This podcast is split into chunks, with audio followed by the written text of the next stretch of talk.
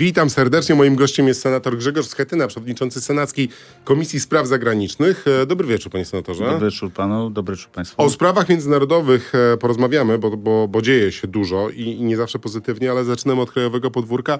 E, Państwowa Komisja Wyborcza jest w zasadzie za, a nawet przeciw, tak można powiedzieć, dlatego że na pismo marszałka Hołowni w sprawie uruchomienia procedury e, objęcia mandatu przez e, kolejnych na liście mandatu po Mariuszu Kamińskim w zasadzie odpowiada, że no ona nie wszczyna, ale pokazuje, kto może być e, tym, tym kolejnym posłem. E, w przypadku Macieja Wąsika uznaje, że w ogóle sprawa jest bezprzedmiotowa, dlatego że jest jasna decyzja e, Sądu Najwyższego.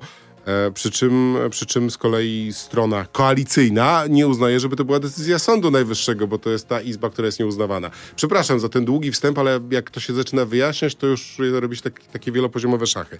To jak to w zasadzie jest? Przegraliście ten spór o Macieja Wąsika i Mariusza Kamińskiego, wygraliście, wszyscy go chyba mają dosyć i chcą się z niego wycofać, łącznie z PiSem. Myślę, że tak, ale PKW chce umywa ręce, nie chce powiedzieć, kto jest następny do wzięcia mandatu zamiast Wąsika i Kamińskiego, żeby w ten sposób nie uznać e, rozstrzygnięcia, oczywistego rozstrzygnięcia, że oni stracili no, mandaty. No dobrze, to jakby pan miał powiedzieć, Mariusz Kamiński jest posłem, czy nie jest posłem? Oczywiście nie jest. A Maciej Wąsik? Oczywiście nie jest. No ale Sąd Najwyższy... No, jedna z izb Sądu Najwyższego, skład złożona w całości z neosędziów... Uwzględniła jego odwołanie. Tak jest, do, które nie powinno być złożone do tej konkretnej izby, nie powinno być przeniesione tam. E, Konstytucja mówi jasno, skazany prawomocnym wyrokiem traci mandat i, i, tego się, znaczy czegoś musimy się trzymać. I uważam, że taka jest, taki jest stan faktyczny. Oni nie są posłami. Ale y, skoro nie są posłami i po wyroku y, przestali być posłami, to dlaczego marszałek Hołownia dopuścił ich do głosowania? Przez te półtorej godziny głosowali. Tak naprawdę nie mieli wtedy, wtedy kiedy ten wyrok został w drugiej instancji wydany, stracili przestali być posłami, stracili prawo sprawowania Marszałek mandatu. Hołownia popełnił błąd? Myślę, że to było równolegle. I nie, nikt nie wiedział, że ta sytuacja ma takie, będzie miała takie następstwa. No, pan, pan, był marszałkiem Sejmu, miałby pan przygotowany przycisk delayed, jeżeli chodzi o ich e, karty do głosowania? To trochę inaczej. Zrobiłbym, e, pewnie zrobiłbym 30-minutową e, przerwę w głosowaniu, żeby zapoznać się z e, wyrokiem sądu i przeczytać, odczytać tę formułę, o której mówimy dzisiaj. Za, zarzut wobec tego, jak to zostało rozegrane przez marszałka Hołownię jest też taki, że on niepotrzebnie wysłał to do jednej izby Sądu Najwyższego, powinien iść przez biuro podawcze, zaczął sobie wybierać e, izby, tak nie powinien robić. Tak, bo to Sąd Najwyższy powinien decydować, znaczy to wszystko powinno być według takiego szmelu. Ale to nikt tego nie zakładał, nigdy wcześniej nie mieliśmy takiej sytuacji. Koniec Ale jak się rozmawia z politykami PiSu, to oni specjalnie nie kochają e, ani Macieja Wąsika, ani Mariusza Kamińskiego. No tak, e, chociaż było widać, widać było po wczorajszej frekwencji, którzy nie było ich zbyt wielu, tych, którzy chcieli wprowadzać. No to jak jest, ale, ale dla was to też chyba przestaje być opłacalne, dla was szeroko rozumianego obozu rządzącego. E, to podważa autorytet Sejmu na pewno, ale przede wszystkim tych, którzy robią taką zadymę. Znaczy chcą wprowadzić taki język do polskiej polityki. Polacy tego nie chcą. Nie chcą y, demonstracji, gwałtów, agresji. No chcą, żeby Sejm był poważny, przynajmniej starał się być. A, a, po, a poważne, jest. poważne jest rozwiązywanie sporów konstytucyjnych za pomocą uchwał. Ma być u, uchwała w sprawie Trybunału Konstytucyjnego. Ale na razie jeszcze jej nie ma. Rozmawiamy to o dobrze, tym. że jej nie ma? Mi się wydaje, musi być, musimy doprowadzić do zgody koalicyjnej, bo ważne jest, żeby koalicja powiedziała jednym głosem, w jaki sposób rozstrzygać te kwestie. E, I Ale myślę, nawet jeden głos tygodniu. koalicji nie wystarczy do tego, żeby zmienić konstytucję. E, wzywał, e, są takie wezwania do tego, żeby zrobić reset konstytucyjny. Ale też wie pan redaktor, że nie ma pełnej zgody w koalicji, żeby resetować konstytucję razem z PiSem bo to nie jest kwestia jednego, jednej zmiany, jednego artykułu, tylko PiS chętnie by usiadł do tego stołu, żeby w ogóle wywracać A usiadłby pan do okrągłego stołu z PiSem? Nie. Nie teraz, nie dzisiaj, nie jutro, nie w tych dniach, w tych tygodniach i miesiącach, kiedy musimy zrealizować oczekiwania wyborców i nasze zobowiązania wyborcze. Musimy rozliczyć, pokazać tę patologię, do której doprowadził PiS i, i gruntownie to rozliczyć. No, ale jak, jak rządzić z wetującym prezydentem i z Trybunałem Konstytucyjnym, który za chwilę w ogóle was zdelegalizuje, jest taka teoria? Chciałby na pewno. Konsekwentnie. Ja myślę, że tu trzeba być konsekwentnym, twardym i bardzo bardzo takim starannym na pisaniu prawa i w przygotowywaniu go. Rzeczywiście jest tak, że mm, nie będzie łatwo omijać e, ustawy, czy zderzać się z prezydentem, który już zapowiedział, że wszystkie ustawy będą lądowały na biurku Julii Przyłębskiej. E, tam będzie je kierował. Ale z drugiej strony kalendarz jest po naszej stronie. Ten Trybunał Dzisiaj Trybunał Julii Przyłębskiej znowu będzie Trybunałem Konstytucyjnym. Potrzebujemy na to trochę czasu i, i, i, twardych decyzji. No to, no to skoro o konsekwencji mowa, e, dzisiaj się po południu na profilu Platformy Obywatelskiej, na, na profilu, e, na portalu X, czyli na dawnym Twitterze pojawił taki, taka deklaracja, że CPK powstanie. Był film z Maciejem Laskiem. Jak go pan nie widział, to proszę się nie przejmować, bo on od razu zniknął. E, no, to, no to co, wy, wy chcecie budować, czy nie chcecie budować? Ale pan redaktor widział. No, widziałem lepiej zmontowane filmy, muszę powiedzieć. Myślę, że to, to jest taki... No nie mogę powiedzieć, żeby Maciej Lasek był youtuberem. Ale jest y, trochę z tym CPK jak z Yetim. Wszyscy o nim mówią, nikt go nie widział, nie słyszał. Ja bym chciał przeczytać, zobaczyć ustalenia audytorów i audytu. Ile tam pieniędzy zostało wydanych, co zostało zrobione. Ja pamiętam w kampanii wyborczej bardzo dużo takich emocjonalnych głosów, nie dotyczących samego CPK, ale tych linii kolejowych, które których budowa wywłaszczała czy zabierała własność y, wielu mieszkańcom Wielkopolski i Łódzkiego. I dlatego uważam, że bardzo czekam na, na ten audyt i uważam, że ja nie jestem przeciwnikiem dużego projektu lot, lotniska, takiego hubu, takich drzwi do Europy, to co dzisiaj Turcy przygotowują Stambu obok Stambułu, tak? Takie kompletnie nowoczesne lotnisko, które ma spełniać właśnie taką rolę bramy do Europy.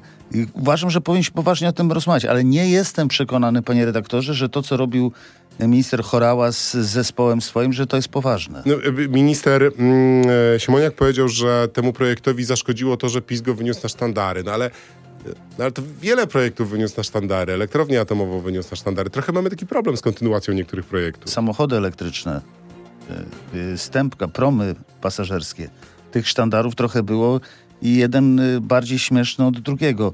Więc dlatego mówię audyt. Nie chcę wyważać otwartych drzwi. Nie chcę przesądzać dzisiaj, co jest niezbędne i czy na pewno będziemy to robić. Na pewno ruch lotniczy, widzimy to, przecież pan e, redaktor jest dziennikarzem ekonomicznym i, i, i zna te liczby. E, ruch pasażerski, air cargo, ruch, e, transport lotniczy ma naprawdę najlepsze dni dzisiaj i, i przed sobą to jest bardzo Ale panie ważna gałąź pa, pa, Panie senatorze, to, to, to też jest z drugiej strony tak, że bardzo trudno jest różne decyzje podejmować. Mi się zawsze przypomina taki e, sketch Mana i Materny, w którym jest pytanie do, do, do, do Mana, jak, jaka jest tajemnica że, tego, że pan jest najdłużej urzędującym wiceministrem w historii? Bo nigdy żadnej decyzji nie podjąłem. No, no, no trochę tak jest, że trzeba jakieś ryzyko ponieść i Trzeba, nie ma stuprocentowej pewności. Ale musi być wiedza. To znaczy, ja, znaczy to, że mówimy nie, nie, nie, znaczy na razie nie, nie decydujemy o tym, bo chcemy zobaczyć, przeczytać zobaczyć liczby i zobaczyć, co zostało zrobione, ile to będzie kosztować. Naprawdę, ile to będzie kosztować. I uważam, że to jest kwestia najbliższych paru miesięcy, wszystko będziemy wiedzieć. No to teraz będzie trochę o Twitterze. Twitterze Donalda Tuska. E, słuchaczom radia RMF FM dziękujemy serdecznie, a tym, którzy chcą usłyszeć co Grzegorz Schetyna myśli o tweetach Donalda Tuska, polecamy pozostać z nami w radiu internetowym RMF24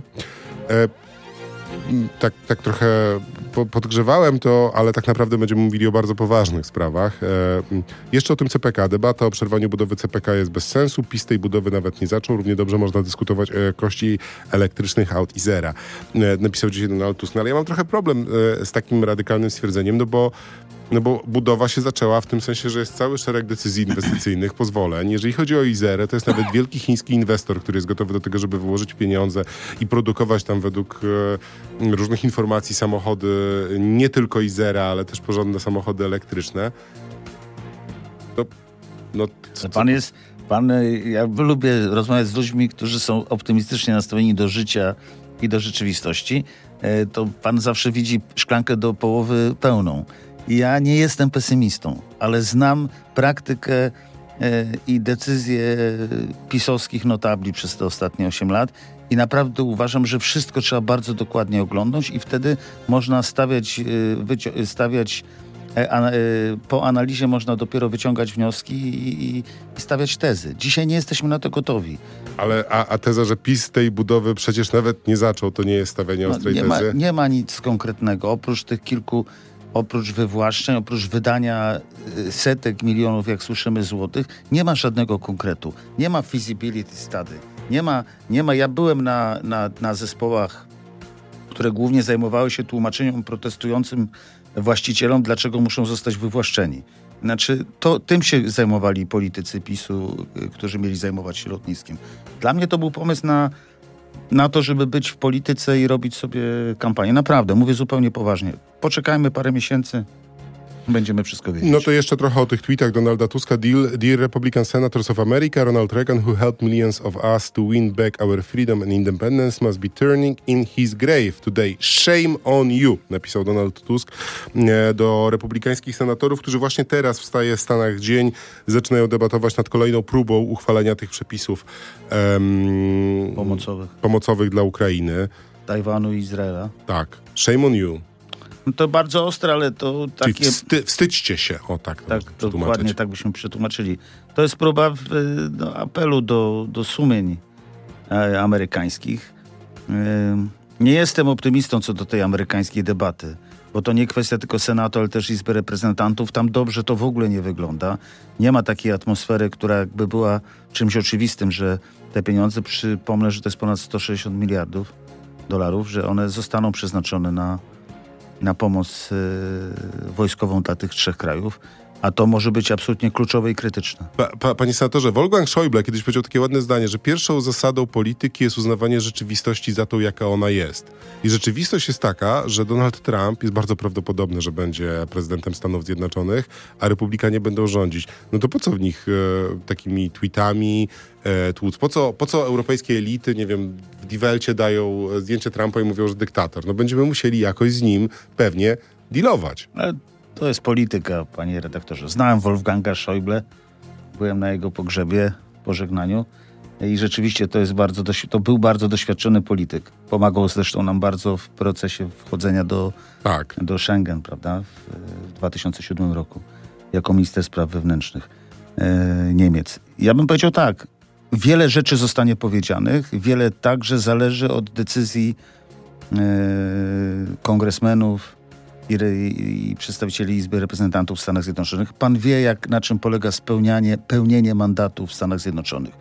Tam dyscyplina partyjna nie jest czymś najważniejszym.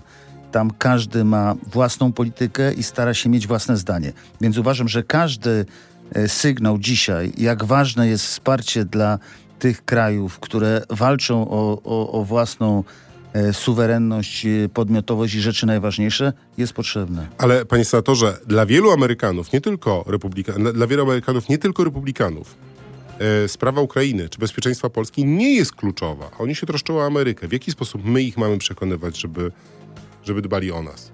Ale to jest też kwestia Tajwanu, tak jak powiedzieliśmy, czy Izraela, tego wszystkiego, co tam się dzieje. My, y, Stany Zjednoczone taką rolę przyjęły wiele, wiele lat temu, wtedy kiedy w tysiąc yy, yy, angażowały się w pierwszą wielką wojnę, a potem kiedy lądowały yy, na plażach Normandii w czasie II wojny światowej. Są gwarantem, gwarantem pokoju światowego i, i chciałoby się powiedzieć dobrobytu. Są mocarstwem światowym i taką rolę spełniały przez lata. Przywołanie Rena, Ronalda Reagana też nie jest przypadkowe, bo dla nas to jest osoba, to jest polityk symboliczny i jego miejsce w historii Polski będzie ważne, bo tak bardzo mocno nas wspierał w 1981 roku, kiedy było tak bardzo ciężko w Polsce po wprowadzeniu stanu wojennego. I uważam, że dzisiaj też trzeba, warto odwołać się do sumień amerykańskich, także sumień amerykańskich senatorów. Wa, wa, e, generał Załużny odwołany przez prezydenta Załęskiego. To jest y, zła informacja, powiem najdelikatniej, jak będę mógł powiedzieć, szczególnie, że on ma bardzo dobrą opinię. Mówię tutaj o opinii ekspertów e, wojskowych, e, tych, którzy oceniają i wiedzą, w jaki sposób prowadzona jest ta wojna, wojna obronna ze strony ukraińskiej, ale też tych, którzy mają wpływ na międzynarodową pomoc dla, dla Ukrainy.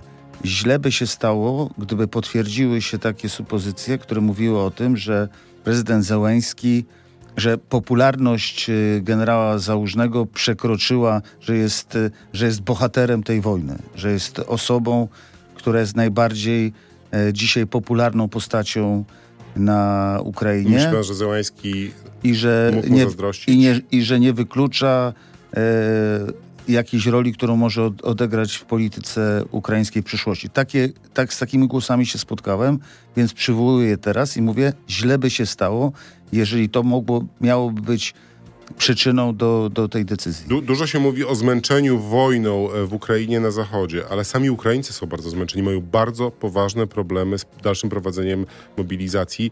Rosjanie mają pieniądze i ludzi do tego, żeby zamęczać Ukrainę. E, konsekwencją, taką systematycznością i determinacją. Rosjanie, i taką, takie mam, postrzegam tę sytuację na froncie, e, tym froncie wschodnim, że, że Rosjanie jakby przejmują inicjatywę polityczną, militarną, że, że, że jakby e, tej więcej, więcej aktywności jest po ich stronie. Rzeczywiście zgadzam się w 100% z panem redaktorem.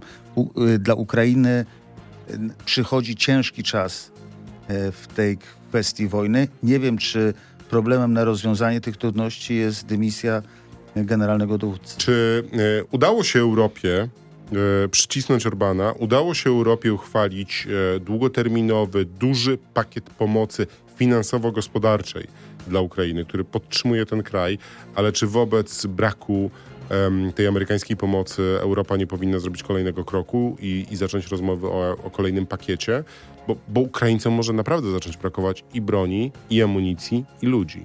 Już brakuje. I o tym mówią Ukraińcy bardzo wyraźnie. Ja miałem przyjemność rozmawiać z Josepem Borelem, szefem dyplomacji europejskiej w poniedziałek. On przed wyjazdem na Ukrainę, teraz jeszcze jest na Ukrainie, e, w Ukrainie. E, rozmawialiśmy tutaj w Warszawie i on przedstawiał e, projekty, problemy, to wszystko, z czym jedzie na Ukrainę, konsultował też swoje stanowiska. Ukraina, potrzebne jest wsparcie dla Ukrainy w każdym wymiarze, ale najbardziej w, na poziomie militarnym. Amunicja, rakiety, ciężki sprzęt, to wszystko jest niezbędne.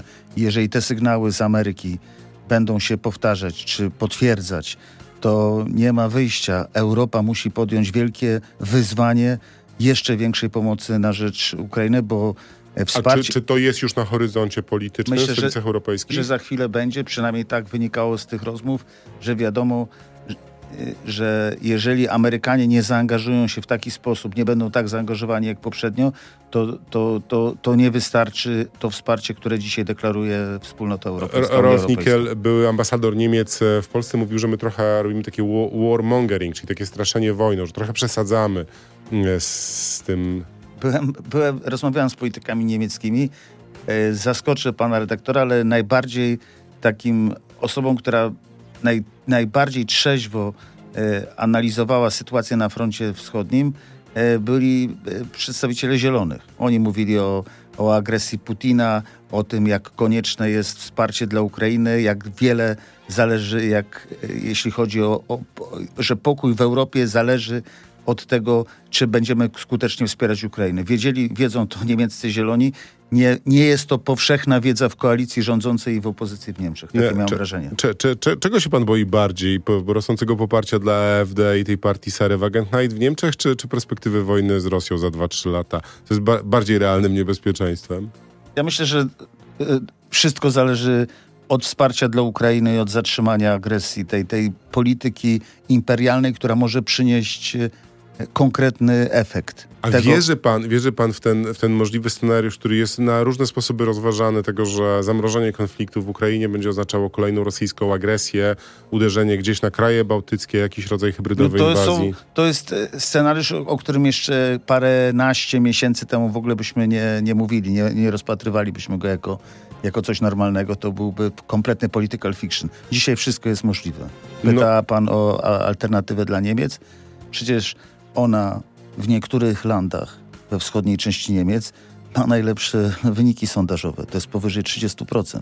To jest też scenariusz, który wydawał się niemożliwy w Niemczech jeszcze kilka jest lat temu. Przerażające. Jest.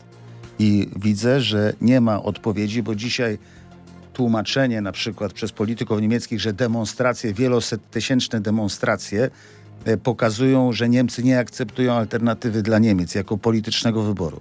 Ale mówię, powie, mówię im, że odpowiedzią na to jest sensowna, racjonalna, skuteczna koalicja, która wygra z AfD. Nie ma pomysłu na tę koalicję, bo ta dzisiaj, która, która rządzi, traci poparcie tak naprawdę z y, miesiąca na No, miesiąc. ale, ale, ale też e, problemem e, w całej Europie, kiedy się patrzy na protesty rolników, e, protesty sektora przemysłowego, szef niemieckiego Związku Przemysłowców powiedział, że polityka energetyczna jest absurdalna niemiecka, likwidacja elektrowni jądrowych. No pytanie, czy, czy projekt Zielonego Ładu, zielonej polityki rolnej, e, polityki klimatycznej unijnej e, no, nie, nie pokazuje, przepraszam, zabrzmi teraz tak schematycznie, oderwania el- brukselskich elit od e, problemu zwykłych ludzi. Wszystko jest ważne. Ważne też jest przecież e, walka z ociepleniem klimatu. No moglibyśmy tutaj godzinami o tym mówić, ale najważniejsze jest dzisiaj bezpieczeństwo. Poczucie bezpieczeństwa, bezpieczna Europa, e, bezpieczne granice.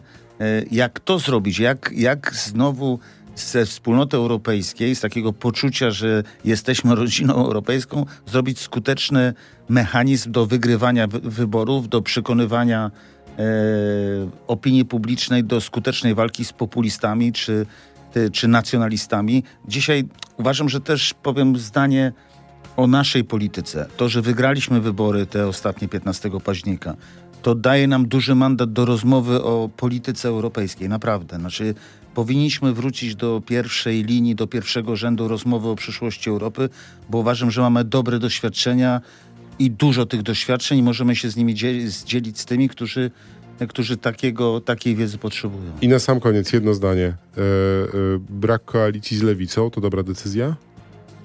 Wynik to pokaże, czy idziemy tak samo jak 15 października. Tam się udało wygrać. To są trudne wybory samorządowe, bo trzeba uzgodnić e, listy do sejmików, do rad miast, do rad powiatów, wreszcie kandydatów na prezydentów czy burmistrzów. Nie jest łatwo z, zrobić koalicję, ale idziemy równolegle, wygrywamy wspólnie. No ale le, le, lewica to jest, e, jeżeli chodzi o sejmiki, to w słabej pozycji, no bo szansa na to, że kogokolwiek tam wprowadzą, realny próg to jest 10% przy sejmikach. No tak, ale to też jest y, zgoda, czasami więcej w niektórych y, okręgach wyborczych, ale y, suma jest ważna. Idziemy równolegle.